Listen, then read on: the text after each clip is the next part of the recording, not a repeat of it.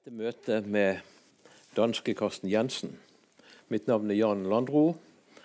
Og denne samtalen, som er satt opp til å vare en time, vil i all hovedsak dreie seg om det skjønnlitterære forfatterskapet hans. Og da snakker vi egentlig først og fremst om disse tre romanene her, som alle sammen forefinnes på norsk.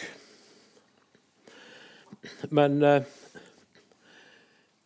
altså, den som har lest både romanene dine og, og, og noen av de andre bøkene og essayistikken, vil jo få en fornemmelse av at, at det er et, et klart forhold mell mellom disse.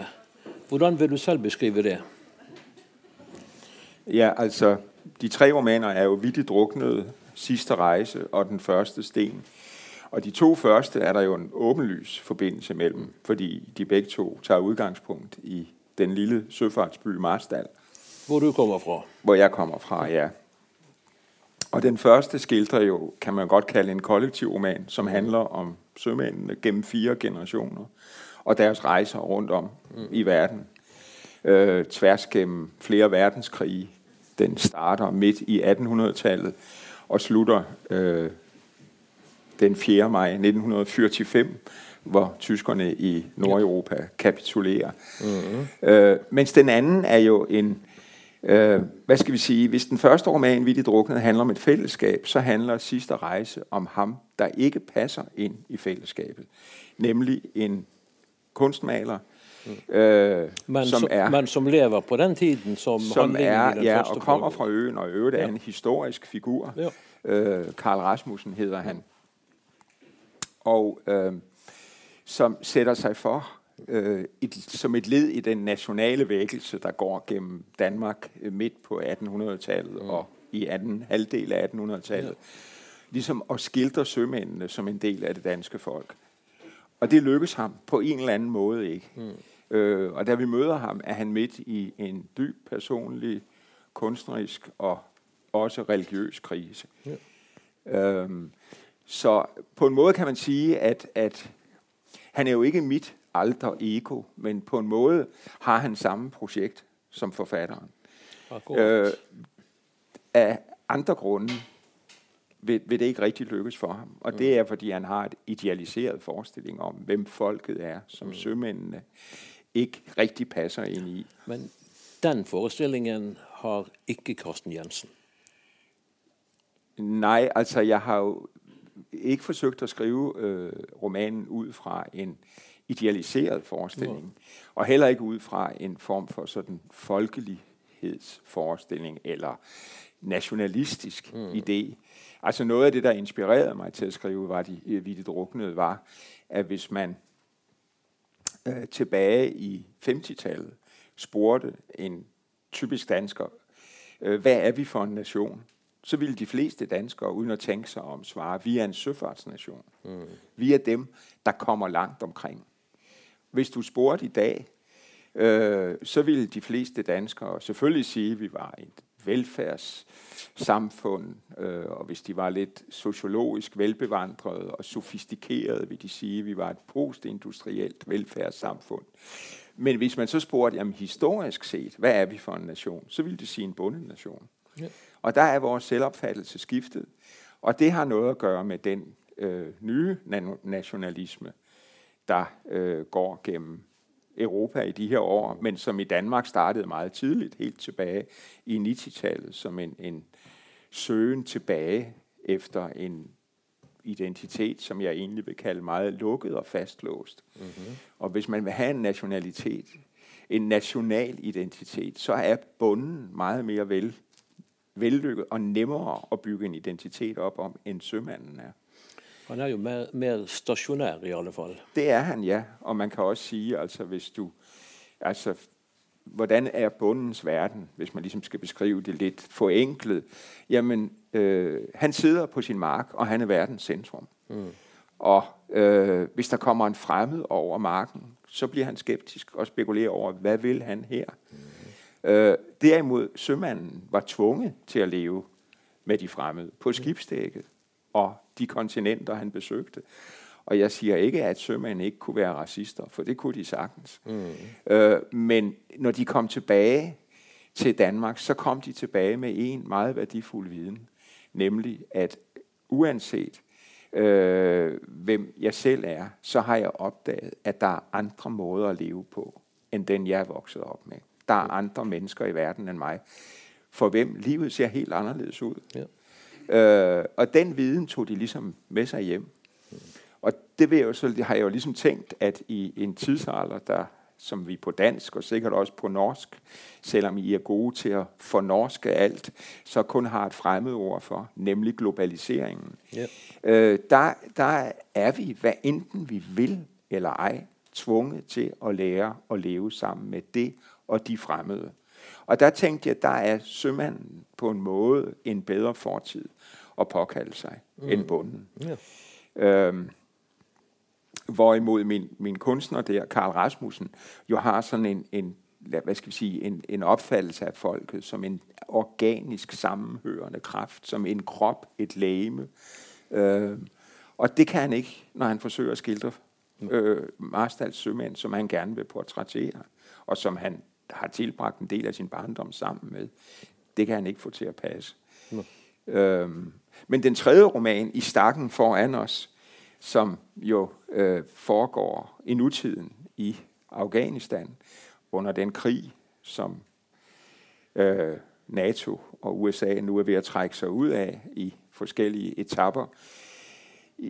Den er jo ligesom et helt andet sted end de to romaner. Den har krigen til fælles som et tema med Vittigt Druknet, og den har jo selvfølgelig også mødet med det virkelig afgørende fremmede, som øh, et tema. Så på den måde er der nogle fælles temaer. Og samtidig er det jo stadig væk dansker, det Ja, det er danske soldater, der er hovedpersonerne ja. i, i uh, den første sten. Ja.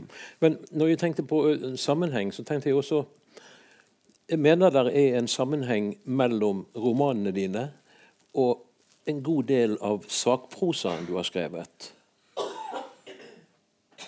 Stemmer ikke det? Ja, der vil jeg sådan mere sige, at, at altså de temaer, jeg forfølger i, i Vittigt Druknet, er, synes jeg nok, ret anderledes end min essayistik. Jeg kalder det essayistik. Af en eller anden grund er jeg ikke så vild med det norske ord savprosa, mm. som jeg synes oser af kedsommelighed. uh, uh, eller i hvert fald er meget nøgternt. Ja. Men, men Nej, altså der vil jeg jo sige, der er det jo klart, at der, den første sten, der kørte jeg jo faktisk et nogle gange meget krævende og vanskeligt parallelløb mm-hmm. mellem at skrive reportager fra krigen i Afghanistan, øh, deltage i debatten om krigen, og så samtidig sidde og arbejde på en roman. For det er to afgørende forskellige måder at tænke og skrive på. Mm-hmm. Øhm, som, og jeg ønskede ikke at skrive det, man på dansk kalder en debatroman mm. om krigen i Afghanistan. Jeg synes, ønskede at skrive en roman om, hvad skal vi sige, krigens eksistentielle aspekter. Et ungt menneske fra en beskyttet baggrund, som det danske samfund jo er, i lighed med det norske, der pludselig i et vildt fremmed land, i en kultur, han ikke har nogen forudsætninger for at forstå, og i øvrigt heller ikke interesserer mm. sig for, øh, pludselig står over for at skulle slå andre mennesker ihjel. Og har lavet sig uddanne til det frivillige. Yeah. Fordi nu skal vi ikke være øh, besmykkende.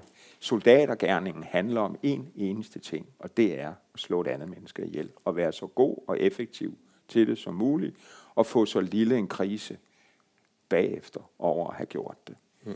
Øh, og det var jeg meget interesseret i. Hvad gør det ved unge mennesker? Hvad sker der med dem? Øh, så det var min motiv til at, at gå ind i den roman. Men mit motiv til at blande mig så meget, som jeg gjorde i den offentlige debat, øh, var jo et helt andet. Og det var jeg meget hurtigt efter mit første besøg øh, i Afghanistan i, hos de danske soldater i. Helmand-provinsen i 2009, hvor jeg faktisk tog ned for at lave research til romanen. Javel. Øh, men jeg havde den fornemmelse, som jeg ikke tror var helt forkert, at det at sige, fordi man, skal, man kan jo ikke bare tage dig ned. Det var et land i krig, mm. uden nogen mm. infrastruktur. Jeg kunne ikke bare tage et fly til Kabul, og så en bus til Helmand, og så banke på hos de danske soldater og sige hej. Jeg var formodentlig aldrig noget levende frem. Så man rejser som den danske hærs gæst, og man skal søge øh, om at komme derned. Og øh, der tænkte jeg, hvis jeg skriver, at jeg skal sådan ned og fornemme lidt om soldaternes sjæleliv, så vil de sige, rend os. Altså, det gider vi fandme ikke bruge tid og ressourcer på.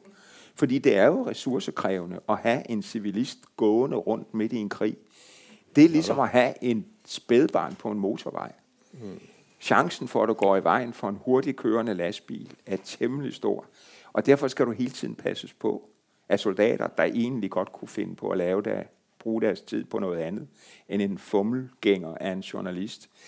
Så derfor skrev jeg så, øh, allierede jeg mig med en øh, dansk og en norsk og en svensk avis, mm. øh, og, og skrev reportager øh, fra mit besøg.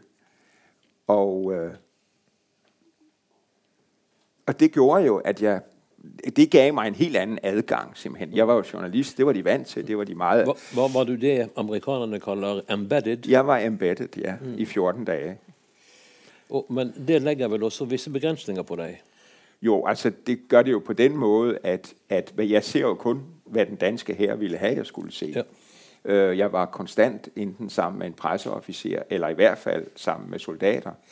Men altså, jeg var der i 14 dage, og jeg var den eneste journalist. Normalt kommer journalister i hold, ja. som de selvironisk selv kalder kvægholdet. Mm. Og herrens meget dygtige presseofficerer har omhyggeligt tilrettelagt et program, så de kommer hjem og tror, at det her, det går bare skide godt. Mm.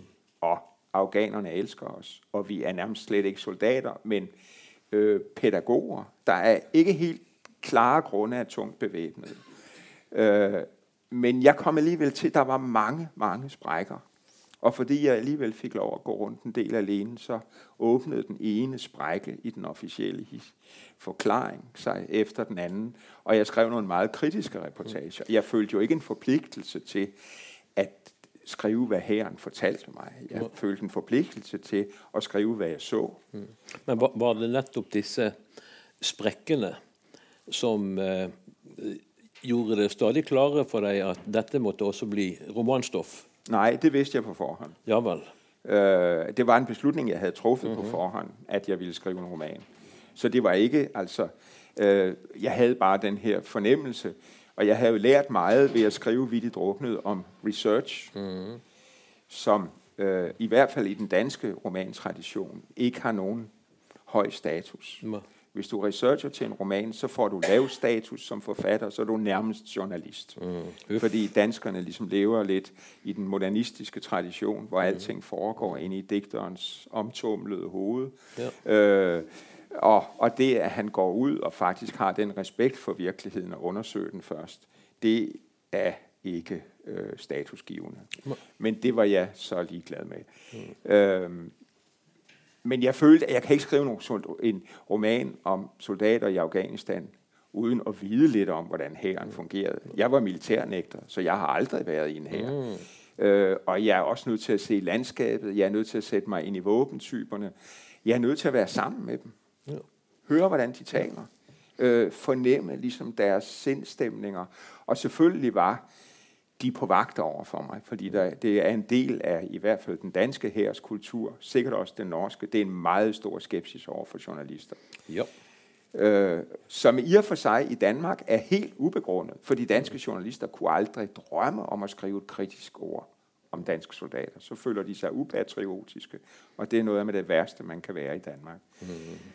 Ja. Men den romanen, du i dit hoved så for dig før du reiste til ja. Afghanistan, var den vesentlig anderledes enn den romanen du kom til å skrive?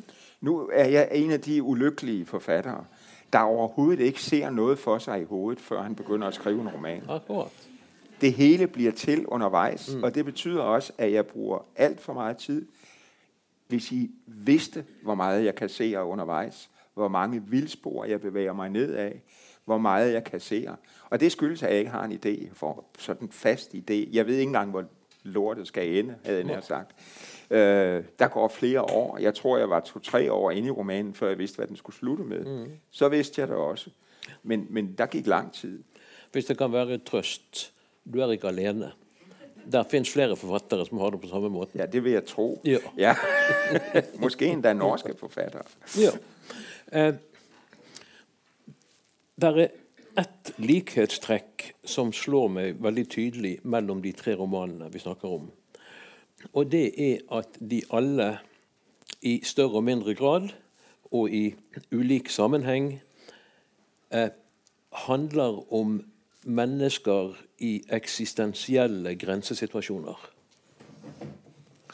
Ja, og det, det er jo det, der, jeg har nær sagt, det, der interesserer mig. Mm. Øh, fordi der bliver så mange ting i livet så tydeligt. Altså det, øh, der var et, et pudsigt bånd mellem Vitte Druknede og øh, den første sten, og det var, at Vitte Druknede fik en fan fra det danske militær, eller rettere fra den danske flåde, som var den øverstkommanderende, en kontraamiral. Og han skrev så til mig, at han meget gerne ville give bogen som julegave til nogle af sine underordnede. Mm-hmm.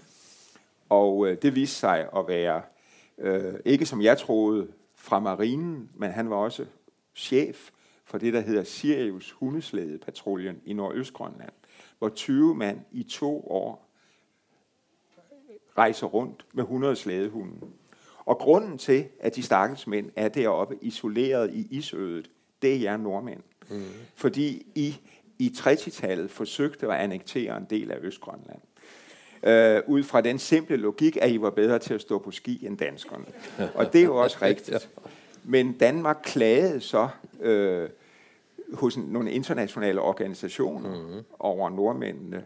Jeg tror, det var, hvad hed Folkeforbundet, ja. som satte nordmændene på plads med at sige, at I skulle holde op med jeres faste lavnsløjer. Øh, og, øh, men lige siden har der altså været 20 mand permanent udstationeret i Nordøstgrønland, hvor de holder øje med, om der i den fjerne horisont skal dukke en nordmand op. Ja. Der er ude på noget. Øh, og de har, bruger meget tid på at læse. Mm. Og admiralen forklarede mig, at hvis jeg ville lave en lille personlig hilsen til hver af dem, så ville mine bøger blive nedkastet med faldskærm mm-hmm. over isen. Og det kunne jeg jo ikke stå for. Naturligvis. Øh, og så sagde jeg så, at jeg vil have noget til gengæld. Og det er, øh, jeg har nu skrevet 700 sider om sømænd, men jeg har aldrig mødt en amiral. Så jeg vil gerne have, at du inviterer mig på kaffe på dit kontor. Og det gjorde han. Mm-hmm. Og jeg må tilstå, at jeg havde en del fordomme som den gode venstreorienterede jeg Naturligvis. havde jeg en masse fordomme om militæret, som jeg nærmest anså for at være det, vi på dansk kalder et beskyttet værksted mm. for unge mænd, der ikke ved, hvad de skal stille op med sig selv. Og som man derfor sørger for at isolere på kaserner, hvor de ikke går i vejen for os andre. Mm.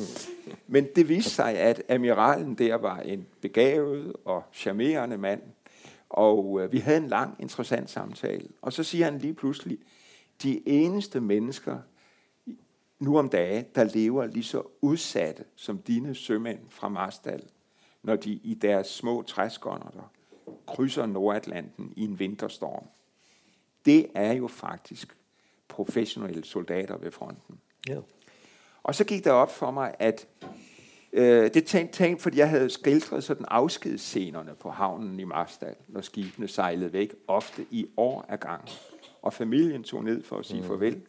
Og alle vidste, uden at sige det, at afskeden var også en generalprøve på døden.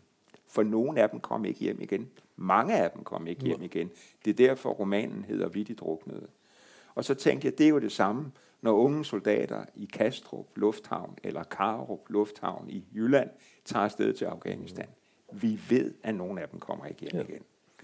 Øh, og så tænkte jeg netop, at det, der også havde fascineret mig ved at skildre sømændenes liv, som jeg ikke havde tænkt over, var netop, som du siger, at de befandt sig i ekstreme situationer. Mm. Det vil sige, de befandt sig i situationer, hvor deres liv bræt kunne afsluttes. På en måde var deres arbejdsplads kunne også blive deres kirkegård.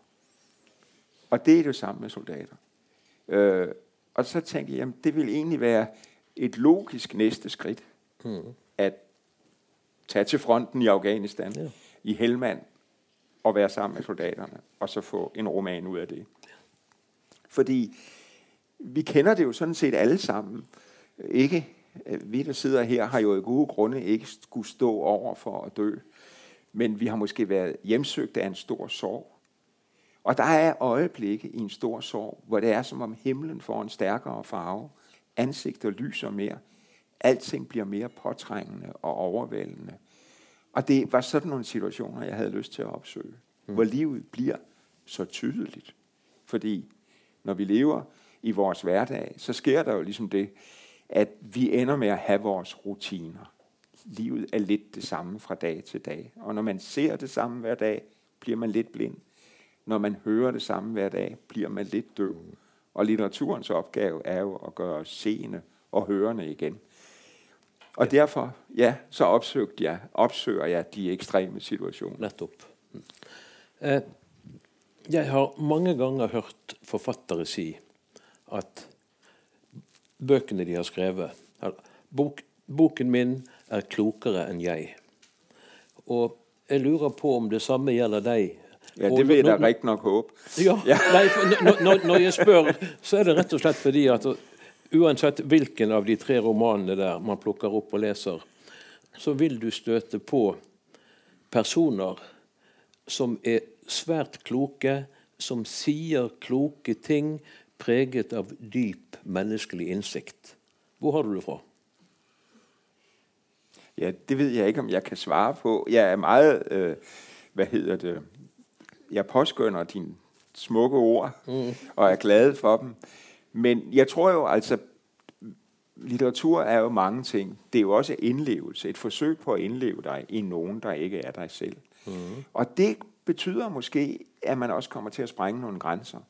Vi lever jo alle sammen lidt spærret inde i os selv, med de begrænsninger, der nu følger med. Også nogle gange begrænsede indsigter. Mm-hmm. Men når vi bevæger os ind i et andet sind, så åbner verden sig måske mere, og vi ser mere, end vi ellers gør. Og der tror jeg på en måde, at forfatterens motiv til at skrive er de samme som, som læserens til at læse. Ja. Og det er at se verden blive større. Men det kræver også en, øh, en øh, observationsevne. Jo, men jeg tror også, det kræver, at jeg ikke vil gøre mig klogere end mine personer. Ja. Øh, det vil sige, at jeg skal have respekt for mine personer. Ja, ja. Jeg skal også have respekt for de personer, jeg faktisk ikke kan lide. Hmm. Øhm, jo, de, og, fin, de findes jo de også her. Ja, ja. og altså, et, mit store dilemma med øh, den første sten, var jo, at jeg skildrede en krig, jeg var modstander af. Mm. Og jeg skildrede nogle unge, som foretog sig nogle ting, jeg ikke brød mig om. Ja. Øh, og hvordan undgik jeg ligesom, jeg havde nær sagt at reducere dem, udlevere dem, tage afstand fra dem. Og der var jeg nødt til at gennemtænke min egen rolle som forfatter på den måde, at hvis jeg forestillede mig, at en roman var en retssal, hvem var jeg så? Mm. Var jeg dommeren? Nej. Var jeg anklageren? Nej. Jeg var faktisk min personers forsvarsadvokat. Ja. Det er mig, der forsvarer dem. Så må læseren være enten anklager eller dommer. Men jeg skal give dem det bedst tænkelige forsvar. Det må have været ganske krævende i den sidste romanen din. Jo, men det var også, altså i, i Vilde Druknede skabte jeg jo, satte jeg mig for med vilje at skabe en person, som man godt kunne tage afstand fra, som, mm. som ondskabsfuld. Ja, ja. Nemlig Hermann. Mm. Øh, men som jeg alligevel, altså jeg har haft læsere, Altså han voldtager en kvinde, han slår sin stedfar ihjel, og han gør andre ting, vi aldrig hører om, som vi nok slet ikke har lyst til at tænke over. Men til sidst finder han alligevel på en eller anden mærkelig måde sin plads i fællesskabet. Ja. Og der har jeg haft læsere, som var utilfredse, som synes, at han skulle have lidt en grusom straf til sidst. Mm. Altså han, han mister han får amputeret den ene arm og begge ben. Det synes jeg jo var slemt nok. øh, men der var visse læsere, der ikke synes det var nok. nej, nej. Men uh, uh, i Afghanistan-romanen det slo meg underveis at det antageligvis vær, ville være utenkelig om ikke det, den endte i en eller annen form for rettferdighet. Eller fornemmelse av mm. rettferdighet. Ja. Og det sto klart for deg også? Altså, det er øh, slutningen, som jo er meget voldsom ja. og grusom, mm. og som min tanke var, at man ikke skulle blive færdig med den, fordi man netop skulle spørge og sig selv. For det. Ja, at man skulle spørge sig selv, jamen, er det her en retfærdig slutning? Mm. Fordi den onde, og der er en ond person, får sin straf. Men prisen for at få ham straffet er så høj, at den på en måde ødelægger alt. Mm. Øhm, og der var jeg faktisk øh, meget inspireret af en øh, tysk forfatter, og nu smutter navnet selvfølgelig, men mm. den historie, han har skrevet, hedder Michael von Kohlhaas. Ja, Kleist. Kleist, Heinrich von Kleist, ja. Og øh, den, den handler om en mand, der bliver udsat for en uretfærdighed. Han låner sine heste ud til en herremand, som mishandler hestene og ikke vil betale erstatning. Og Kohlhaas, der har en meget stor retfærdighedssans, går til retten, men herremanden har sine forbindelser, og han kan ikke få retfærdighed. Så ender han med at rejse en folkehær, og til sidst har han lagt næsten hele Tyskland øde. Kejseren må komme og forhandle med ham for at få en fredslutning. Og fredslutningen er, at Kohlhaas opnår retfærdigheden. Han får sine heste tilbage i genoprettet tilstand. De er igen dem, de var engang. Prisen er, at han må lade sig henrette. Ja. For han har jo gjort oprør mod kejseren. Og det accepterer han. Retfærdigheden som idé er blevet så vigtig for ham, mm. at han bytter sit liv for de to hestes skyld. Ja. Øh, og på en vis måde havde jeg det lidt ligesådan med, med slutningen på den første sten, at jeg ville lave en slutning, der var lige så umulig og kantet, hvor en idé sejrer en rigtig idé, mm. en idé, vi mm. bifalder, men sejrer den på den rigtige måde. Netop. Jeg ser den parallellen der. Men uh, en, noe som slo meg under lesningen, det var rett og slett uh, uh, Joseph Conrad, 'Heart of Darkness'. Altså denne Skrøder-skikkelsen. Og at han minner om den Kurtz hos, hos den engelske forfatteren. Ja og nej. Altså, jeg har hørt den sammenligning flere gange. Mm-hmm. Øh, og altså, nu kan vi jo lige så godt begynde, nu har vi afsløret, altså det er jo lidt, den har et plot roman, den er lidt thrilleragtigt opbygget. Yep. Og nu afslører vi så, at det var butleren, der gjorde det. Uh, ligesom hvis man røber slutningen på en kriminalroman. Hmm.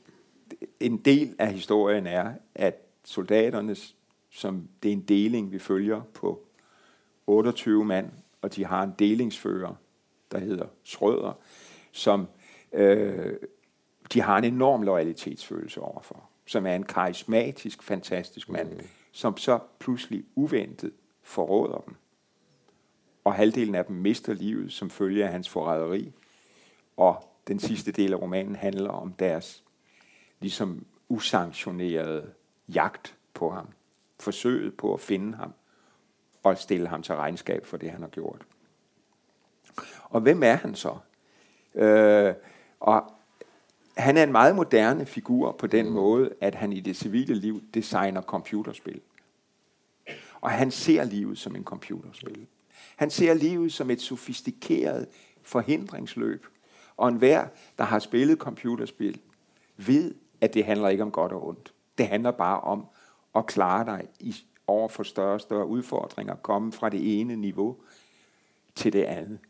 Øh, og det er sådan, han ser det. Mm. Han har egentlig ingen moral. Jeg vil heller ikke sige, at han er nihilistisk. Øh, han ser snarere livet som bestående af en situ- række situationer, man skal prøve på en eller anden måde at gøre udfordrende og interessante. Mm. Og han synes, det er udfordrende og interessant at tage halvdelen af livet af sine mænd og se, hvad der så sker. Øh, fordi liv jo tydeligvis ikke betyder noget for ham. Mm. Men han har også en række identiteter, som egentlig ikke synes at hænge sammen. Og der var jeg meget inspireret af den øh, franske digter Rimbaud, mm.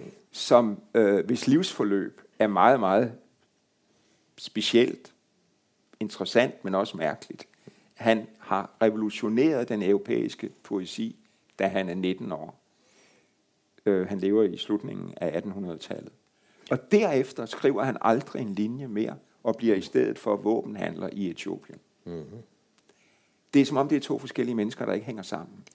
Og jeg ser Schrøder som to forskellige mennesker, Øh, og jeg har så spækket nogle af hans mere visionære udtalelser, for han er helt tydeligt en af de bedst begavede figurer absolut, i romanen. Absolut. Med skjulte citater fra Rambo. Mm-hmm. Øh, så en Rambo kender og elsker vil kunne finde dem igen og igen i romanen. Øh, men der er også en grund til, at han hedder Schrøder. Han er opfaldt kaldt efter det, der hedder Schrødingers kat. Akkurat. Som om hvem det jo hedder, at den i, inde i en lukket kasse under et eksperiment den både er der og er der ikke. Mm. Den er både død og i live. Mm. Og han er på en måde en tilsvarende figur. Han er en figur, der er hensides egentlig tanken om forræderi, øh, fordi der er ikke nogen loyalitet i hans verden. Der er kun situationer, som man kan tage, kan udnytte. Og det er også det, der ender med at fælde ham. Mm. At han øh, indgår et vedmål med hans modpol, som er en efterretningsagent fra det danske forsvar, som hedder Kaiber, og som har en afghansk baggrund, dansk statsborger, men afghansk baggrund, og som jo kan færdes i begge kulturer. Yes. Øhm, og han stiller ham nogle udfordringer, som, han, som den spiller, han er, ikke kan sidde overhøre. Og han ved ikke, at han går i en fælde, for mm. han ikke kender den kultur, han færdes i godt nok. Ja. Men uh, det vil jo egentlig være fristende å kalle Schrøder for ondskap i sin reneste form. Men slik du nå utlegger han, så, så blir det kanskje feil? Ja, altså man kan jo sige, at Schrøder på, jo, på en måde er, man kan sige, at han er den hensigtsløse ondskab. Mm. Der ligger jo ikke nogen dagsorden bag. Jo, der er ikke noget, han vil opnå. Det er, er, er ja, måske natur. definitionen på ja. ondskaben, når den ikke har en hensigt. Mm. Den er ondskab for ondskabens egen skyld. Øhm, og der kan man jo altså gå tilbage til, til øhm, Joseph Conrads fantastiske roman, ja. øh, Heart of Darkness og Kurtz, som er jo åben for mange fortolkninger. Mm. En tolkning er jo, at han inkarnerer ligesom mørket i Afrika den hvide mands redsel for det, Afrika, det mørke kontinent, som på en måde er hans egen underbevidsthed, der ja. bliver sluppet ja. fri. Men det er jo egentlig et meget kolonialistisk syn på Afrika. Øh, han kan også inkarnere naturen selv. Mm. Øh, jeg har læst en meget interessant tolkning af ham, af en tysk filosof, Rüdiger Safranski, som siger, at det, han har set for dybt ind i, det er egentlig ikke Afrikas hjerte, det er naturens hjerte. Det er naturen dybest set ikke er andet end mor. Mm. Øh, ikke er andet end overgreb. Ikke er andet end en bestialsk kamp for overlevelse. Mm. Og det er på en måde, at det, han har set for dybt ind i tilværelsen, og er blevet overvældet af det, og har mistet al sin tro, alle sine principper. Ja. Og der vil jeg så sige, at der oplever jeg Schrøder som på en måde en meget mere moderne form for ondskab. Fordi? Fordi han også et eller andet sted er et produkt af den moderne digitalisering. Mm. Og den mulighed, de muligheder, de åbner for, at vi kan være alle mennesker på, vi kan skifte identiteter, som vi skifter tøj. Vi kan afprøve alle tilværelsens mm. muligheder på skærmen i cyberspace, uden at det har konsekvenser. Men det andre... han, han siger på et tidspunkt, at øh, den, det, der er tilbage, er den kristnes tro på opstandelse det er computerspillet. Du dør jo hele tiden, og du er genopstået igen fem minutter, fem sekunder efter. men ok, det er i en moderne form, men det ændrer vel strengt tatt ikke eh, ondskapens natur? Nej, altså det er jo på den måde, at romanen også en undersøgelse af, hvad ja. ondskab er. Ja. Øhm, og slutningen og nu har vi jo snart røbet det hele, så kan vi også røbe den. Men før, altså, før, før han røper det, så vil, vil jeg bare fortelle at dette er altså en roman på 600 sider. Og om han og jeg kommer i skade for å røpe lite grann, der er enormt mye igjen å lese. Og vel verd å lese, bare så det er nevnt. Jeg tror altså du må være min yndlingsintervjuer. ja, og du er mitt yndlingsobjekt. Og her, nu lugter der af gensidig ros. ja, ja. Du vet hva svenskene kaller det?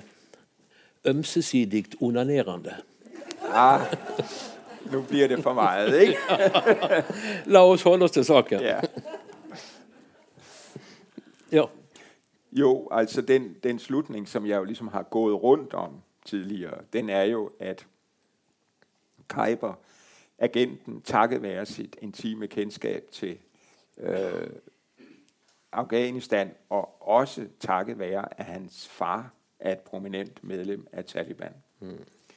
Øh, og Rødder, som jo kan være på alle sider og hele tiden skifte side, har også på et tidspunkt allieret med Taliban. Øh, og det vedemål, de ligesom indgår, det er, at øh, Kajber siger til ham, hvis jeg får dig for en afghansk domstol, vil du så acceptere den dom? Og Schrøder tænker jo på de domstole, som vi har installeret. Den afghanske regeringsforsøg på at skabe et vestligt retssystem, som ganske vist er totalt korrumperet. Og han ved jo, at hvis han nogensinde kommer for sådan en domstol, så kan han betale sig ud af den, så let som ingenting, for de er så korrupte. Men han tænker ikke over, at Taliban jo også har deres egne domstol, og dem kan man ikke betale sig ud af. Her er retfærdigheden benhård og altid blodig. Mm. Og det er der, han ender. Og afghan talibanerne beslutter så, at de overlevende af de soldater, vi har fulgt, hvis han ikke skal gå fri, så er det dem, der skal eksekvere dommen, det vil sige stene ham til døde. Mm. Og det er slutscenen. Han sidder bagbåndet på jorden, knælende, og de får stenene i hånden. Den lokale feltpræsten, kommandanten og romanens eneste kvindelige soldat. Mm. Og der står de med stenene, og der sidder han. Og så kaster de den første sten, og så slutter romanen. Ja. Og før vi forlater den romanen, bare et spørsmål. Er ikke også romanen et, eh, en veldig klar illustrasjon på det totalt håpløse i det såkalte Afghanistan-prosjektet? Jo, det vil jeg sige, at den er. Mm. øh, men det hører jo med til historien, at jeg faktisk selv i en del år var tilhænger af vores tilstedeværelse i Afghanistan. Javel. Øhm, jeg, rejste, jeg har rejst i Afghanistan gennem mange år. Mm. Var der allerførste gang som 19-årig. Øh, havde lige fået studentereksamen. Havde hår hernede til. Og var som hippie på vej til Indien for at afprøve alle de rusmidler, jeg kunne komme i nærheden af. Mm. Og der rejste jeg gennem Afghanistan. Øh, og så var jeg der i 88, da øh, den røde her, russerne var der. Ja. Og så var jeg tilbage i Afghanistan ganske få uger efter Talibans fald. Den sidste Taliban bastion Kandahar faldt mm. i tidligt i december 2001, og jeg var i Kandahar 4-5 uger senere. Øh, og det jeg oplevede på en, en rejse, reportagerejse i Afghanistan dengang, var, at mange afghanere var glade for at være sluppet af med Taliban. Mm-hmm. Jeg var skeptisk, da jeg ankom over for invasionen, men tænkte, at jeg har jo ikke ret til at gøre mig klogere end afghanerste, afghanerne eller mere bedrevidende. Så jeg rejste hjem som tilhænger af vores mm-hmm. tilstedeværelse. Mm-hmm. Og det var jeg faktisk, indtil jeg besøgte Afghanistan igen i 2009. Ja. Så fik jeg en meget stor skepsis over for hele projektet, som kun blev større og større, som årene gik. Øhm, men jeg tror, at der det allerførste år stod et vindue åbent. Nej, Afghanistan var aldrig blevet Danmark og Norge. Det var aldrig blevet en, hverken europæisk eller skandinavisk velfærdsstat. Men det kunne være blevet et fungerende land. Mm. Og vi bærer en meget, meget stor del af ansvaret for, at det blev yderligere katastrofalt destabiliseret. Og i dag står jo altså, det kan vi lige så godt se i øjnene, Taliban som sejr er. Og de forhandlinger, øh, Trump er gået i gang med, det er Vietnam 1975. Mm-hmm. Kabul er i dag Saigon. Ja. Netop. Eller 1975, for nu at tale korrekt. Tilbage til kunstnerromanen 'Siste reise'. Vet du forresten at i Norge skiller vi mellom siste reise og siste reis? Nei. Siste, det har alt sammen skyldes for store dikter Henrik Wergeland. Ja. På sitt dødsleie i 1845 var han uhyre produktiv og skrev bl.a. noe han selv kalte en sjømannsvise. Og den begynner slik. Den siste reis meg forestår, sing sailor o. Ja, husker jeg ikke farten, mm. fortsettelsen, men ja, av, av, sted til himmelen farten går, sing ja. sailor o. Så, så, det er blitt hengende igjen i norsk språk. Ja. Så siste reise kan være hva som helst. Siste reis, da er det slutt. Ja, ja, men det er jo også en siste reise. Ja, her, her, er det jo både det ja. ene og det andre. Ja, det er begge dele. Ja, ja da. Mm. Uh, altså, jeg opdagede jo så, at jeg havde overvejet at kalde det den sidste rejse. Mm-hmm. Men det er der mange bedemandsforretninger i Danmark, der hedder. Ja, vel. Så det synes jeg ikke var helt rigtigt. det høres ut som et klokt valg. ja. som du selv har nevnt, hovedpersonen der er jo en historisk person, og du bruker hans rette navn. Ja. Hvilke begrensninger følte du at dette la på deg når du skulle skrive en roman? Det følte jeg egentlig ikke lagde noen begrensninger på meg. Nå vel. Altså, Jeg hadde jo ikke tenkt meg å skrive sådan en roman der handlet om at han hadde et vilt sexliv, eller misbrukte børn, eller altså, noen andre hemmeligheter jeg mm. ville trekke frem. Jeg kjente endda hans familie og fikk adgang til hans korrespondance. Mm. Øh, og det var jo selvfølgelig en tillidserklæring. Men, men min bedste barndomshjem-ven var hans barnebarn. Mm-hmm. Øh, oldebarn. Så, så jeg var for så vidt øh, tæt på, på familien. Men jeg følte stadigvæk, at jeg havde en frihed til at digte om, ja. også på hans liv. Og det, og det har du gjort? Ikke i store træk, men jeg har... Øh, altså det, der oprindeligt startede... Oprindeligt var han faktisk en figur i Vittigt Druknet. Ja, det vet jeg. En gennemgående figur. Men jeg kunne ikke få ham til at passe ind. Ja, han blev jo, jo som en bifigur. Og, og ja, han, hans enke blev hans jo mye vigtigere. spiller en stor ja. rolle i Vittigt ja. Men jeg skrev ham ud. Mm. Og fandt så ud af, at han skulle have sin egen bog. Mm. Fordi han netop var outsideren, og ikke en del af fællesskabet. Mm. Men det, der også var lidt en udfordring, det var også, at han var ikke noget geni. Han var en middelmådig kunstner. Han var en konform, borgerlig kunstner, der delte sin tids værdier, der gerne ville anerkendes. Mm. Og jeg havde lyst til at skrive en solidarisk roman om et middelmådigt borgerligt menneske, som jeg ikke ville udlevere eller tage afstand fra, mm. men prøve at forstå indenfra. Men, men som du føler uh, stod langt fra dig og, og dine værdier og det du repræsenterer? Jo, det kan man jo godt sige. Mm. Jeg havde en sympati for ham. Jo, jo. Men, men øh, det er jo også det, synes jeg, at, at romanen kan, kunsten handler om. Det er jo at skabe personer, der ikke er ekoer af en selv. Ja. Udfordringen ligger og prøve at være en helt anden. Mm. Øh, altså, og det er jo også det, jeg anser for ligesom at være definitionen på en roman. Det er, den er en invitation til indlevelse, til at være i en anden krop end din egen. Mm. Øhm, og det var jeg i meget høj grad med ham. Ja. Men anfægtelsen, der egentlig starter hele projektet, er, den måde, han dør på. Ja. Fordi han, da han er midt i en dyb personlig og religiøs og kunstnerisk krise, mm. så tager han til Grønland, og det her i 1890-tallet.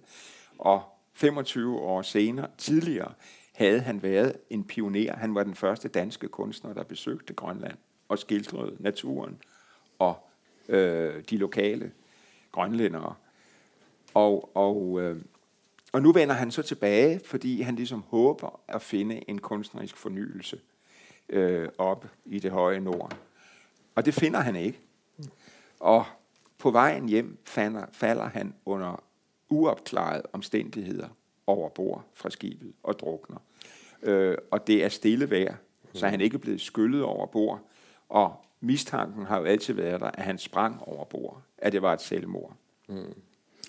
Og jeg konstruerer så en tredje forklaring, som øh, altså kun kan høre hjemme i et romanunivers.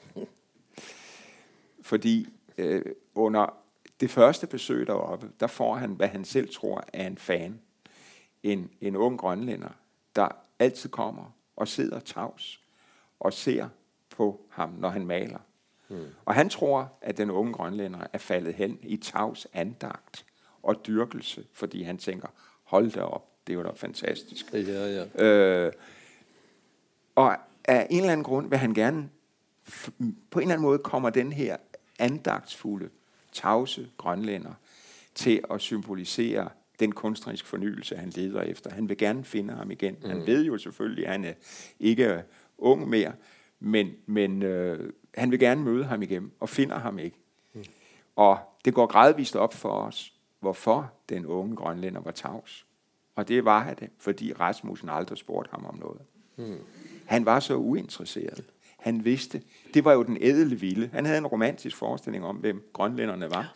De var de her børn med et rent ædelt sind, som han så kunne dyrke i sit maleri. Fordi hans maleri handlede om at idealisere og forskønne og søge harmoni. Mm. Øh, udviske alle, ligesom, hvad skal vi sige, tilværelsens mørke toner. Øh, og det er også derfor, han ikke kan skille sømændene i Marstal. Mm-hmm. Øh, men og det er, en, det er ligesom den grænse, han har nået. På et tidspunkt lader jeg ham møde øh, den franske maler. Ja, nu kommer det igen med navnene. Der er vi to. Det ja, det, ja, mig. det er den franske maler, der tager til fransk Polynesien. Gauguin. Gauguin ja, ja. Han var på et tidspunkt dansk gift og i København, ja. og han havde danskerne. Mm. Han har skrevet den mest svine, ondskabsfulde udlevering af hvor snæversynede og dumme danskere er. En hel bog. Mm. Den er ikke særlig populær i Danmark. Men jeg lader ham møde øh, Rasmussen, og han tager Rasmussen med hjem i sit atelier. Mm. Og Rasmussen ser jo, hvordan han behandler farverne. Ja. Og det giver ham et dybt chok. Øh, og et eller andet sted aner han jo nok, at det er fremtiden, han ser på. Det er maleriets fremtid. Det er et helt andet syn på verden og mennesker, han møder her, som han ikke kan forsone sig med. Men øhm, det viser sig så, at den her grønlænder, som han ikke kan finde, vi får pludselig at vide, hvem han er. Og han er en berømt i grønlandske kredse shaman. Og som shamaner kan han det, at han kan forvandle sig til alle væsener. Han kan blive til en fisk i havet, han kan blive til en sæl, han kan blive til en isbjørn, til en val, til et rensdyr. Øh, og på et tidspunkt har han gennemgået en cyklus af forvandlinger, hvor han ender med at blive en sæl, der bliver fanget. Ja. Og så ender han med at blive genfødt som menneske. Og jeg bruger ham, fordi han er for mig et billede på, hvad kunsten er. Nemlig en endeløs række af forvandlinger, hvor vi kan blive andre igennem indlevelsen, igennem kunsten. Mm. Og øhm, da Rasmussen er på vej hjem, så viser det sig, at den grønlænder er blind passager på skibet. Og Rasmussen er på en måde moden til en forvandling. Og shamanen tager ham i hånden, og sammen springer de over bord. Og det er sådan, han dør. En symbolstød, en overgivelse mm. til et mm. helt andet kunstsyn, som lå uden for hans egne rækkevidde, hans egne evner, ja. men som er en form for bebudelse af noget helt andet. Og så har jeg så skrevet et, et slutkapitel, som fuldkommen øh, bryder med realismen i romanen. Mm. Fordi vi følger hans afsjælede krop, der glider på havstrømmene, som bliver måger, hakker i kødet, fisk spiser i det, af det, og dele af hans krop rejser så videre, indtil den har været på en jordomrejse. I små stykker bliver han et med havet og dets kredsløb. Og øh, så slutter den med, at hans barnebarn sidder på havnen i Marstal og hører en måge skrige. Og så siger han, der hørte jeg farfar. Og der slutter romanen. Hmm. Felles for disse romanene er også at uh, de har en stor detaljrikdom. Svært stor detaljrikdom, og om mange ulike ting. På den ene siden er det noe som gir eh, bøkene en økt autentisitet. Men samtidig må jo det ha medført et enormt arbeid for deg. Ja, det har medført en meget stor research. Ja. Og det er jo altid en balancegang, fordi man kan også, så at sige, prale for meget af sin research. Man kan ja. promovere den for meget. Mm. Man kan overfylde sin bog man kan blive med detaljer. Det, man har fundet. Ja. ja, og man vil gerne ligesom vise læseren, prøv lige at se det store arbejde, jeg har gjort. Og ja. det er en balancekunst. Mm. Det skal man passe på med. Mm. Jeg havde det sådan, at jeg ville, hvis en sømand læste Vittigt druknet, ville jeg ikke have, at han skulle kunne finde en eneste fejl. Øh, og jeg vidste, at der sad 2.000 læsere i Marstal og ledte efter en fejl. Mm-hmm. Og de fandt den. Øh, og fejlen var så, forklarede de mig, at i bogens slutning, hvor øh, den sidste generation af sømænd, vi følger på de meget voldsomme og krævende konvojsejladser, som jo også mange tusind norske sømænd var med på mm. øh, i Nordatlanten, der øh, de vender så hjem til Danmark i krigens aller sidste dage. De går gennem det sønderbombede Nordtyskland. De stjæler en slæbebåd, en bukserbåd, ja. og sætter kurs mod Ærø. Og så får de for første gang i fem år, ser de Danmark, og det er sydspidsen af en ø, der hedder Langeland. Og da de ser den, så står solen op. Og, og hen på eftermiddagen når de frem til Ærø. Og så sagde alle i Marstal, en hver ved, det tager kun to timer at sejle fra Kelsnord til Marstal. Og så sagde jeg, jamen der står, at de går for halv kraft. Så sagde de, det er ikke godt nok. Det kan ikke forklare det. Og så tænkte jeg, øh, okay, så skal de fandme få en ordentlig svar. Mm. Så sagde jeg, grunden til, at det tager dem så lang tid at nå frem, det skyldes noget, som hedder den dramaturgiske nødvendighed. Og så blev de virkelig stille.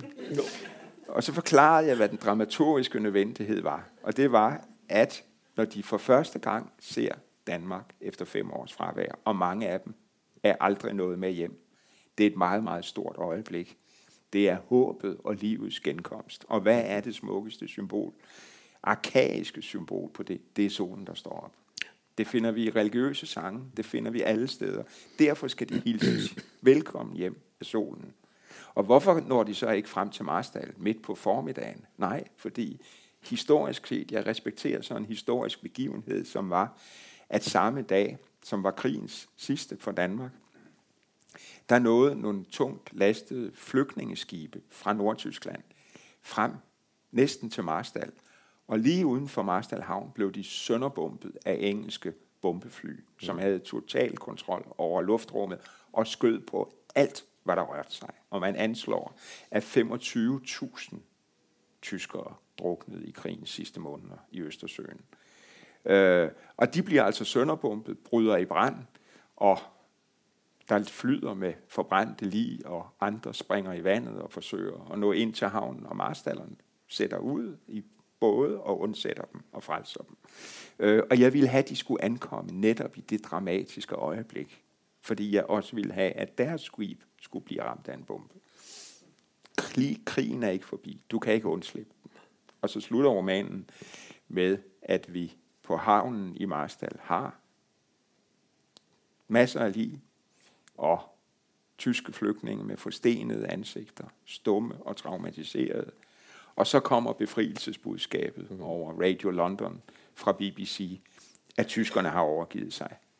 Og så bryder marstallerne blandt ligene på havnen, hvor de døde ligger, ud i dans og sang. Og det vil jeg ligesom have samlet. Altså det er jo livets store drama. Her har du død, sorg, traume, tab, og så eufori mm. og glæde, mm. samlet på en lille scene. Og det var den dramaturgiske nødvendighed. Øhm, og, øhm, men når du taler om det med detaljerne, så er der altså også en en anden en anekdote, jeg bliver nødt til at fortælle, som handler om, at jeg faktisk ikke troede, jeg kunne skrive en roman. Jeg skrev to romaner tilbage øh, tidligere i forfatterskabet. Den ene er ikke oversat til norsk. Den hedder Kannibalernes nadver, og der er heller ingen grund til, at den bliver oversat. Mm-hmm. Det er ikke nogen særlig vellykket roman. If you say so. Ja, og så er der en anden, der kom på norsk, der hedder Jorden i munden, og som i mine egne øjne er en halv vellykket roman. Kun halvt. Uh-huh. Jeg havde ikke ligesom ambition og mod til at gøre det, den krævede. Det blev for lidt. Øh, og så havde jeg draget den konklusion, at jeg egentlig ikke kunne skrive romaner, og det skulle jeg holde mig væk fra. Øh, og jeg var essayist eller rejseskildrer, som i Jeg har set verden begynde, mm. og jeg har hørt et stjerneskud.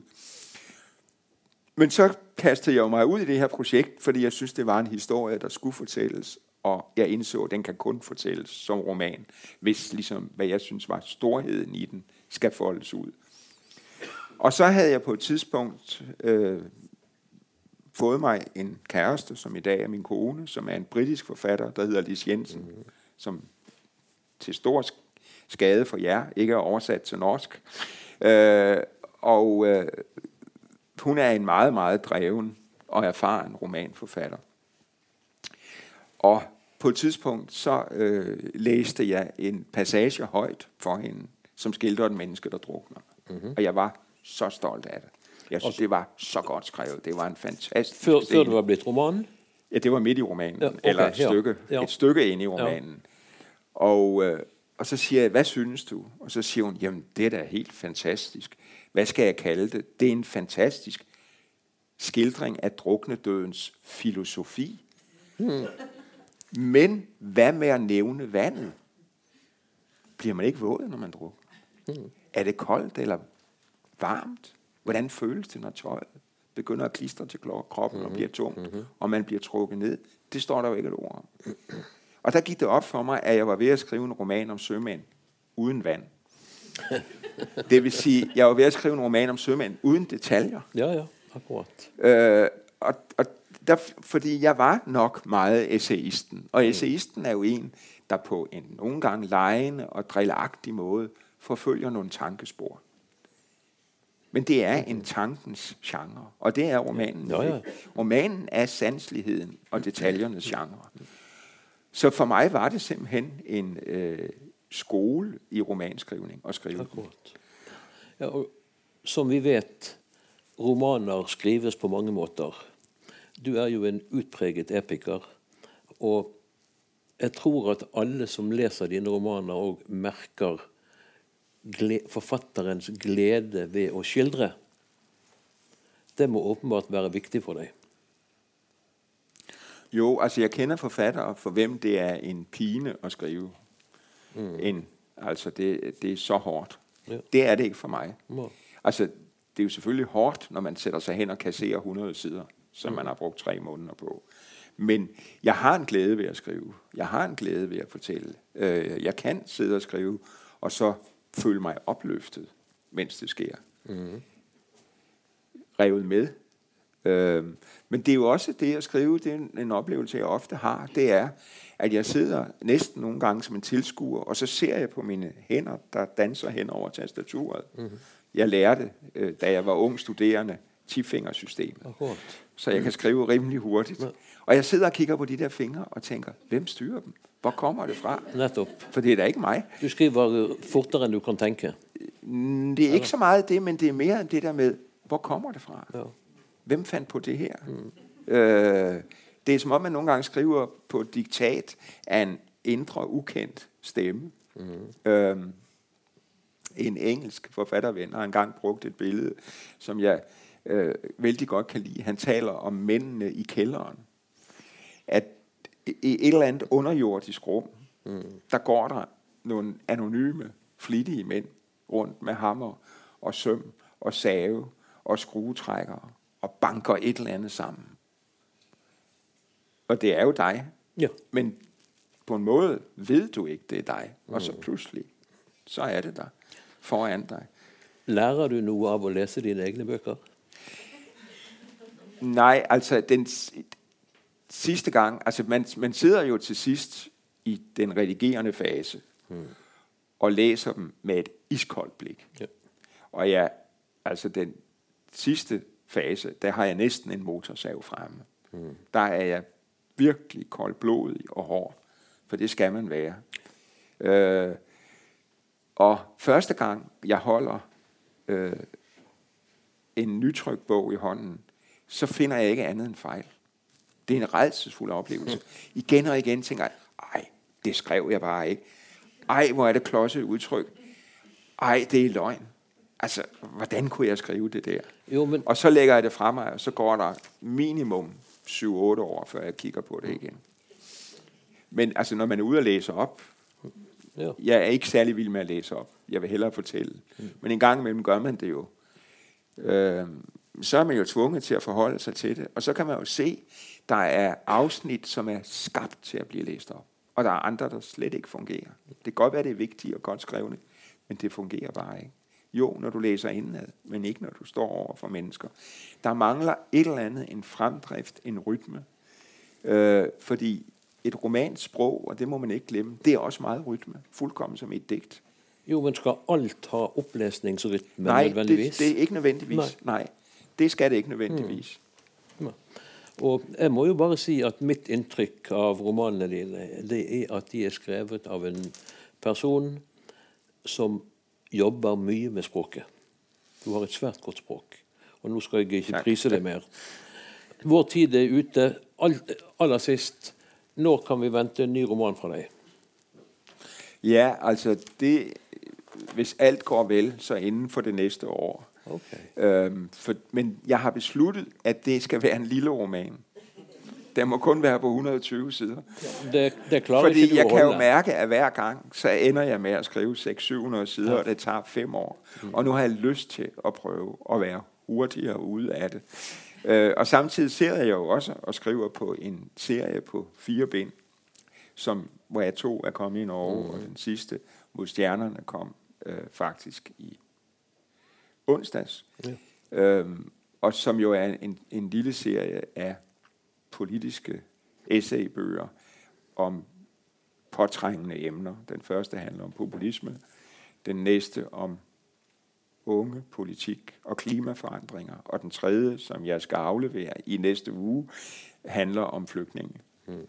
Og den fjerde? Ja, den kredser lidt omkring noget, vi har talt om i dag. Ondskab, Akkurat. krig, terrorisme, vold. Mm. Ok, da sier jeg tusen takk til Karsten ja. Jensen. Tusen takk til publikum.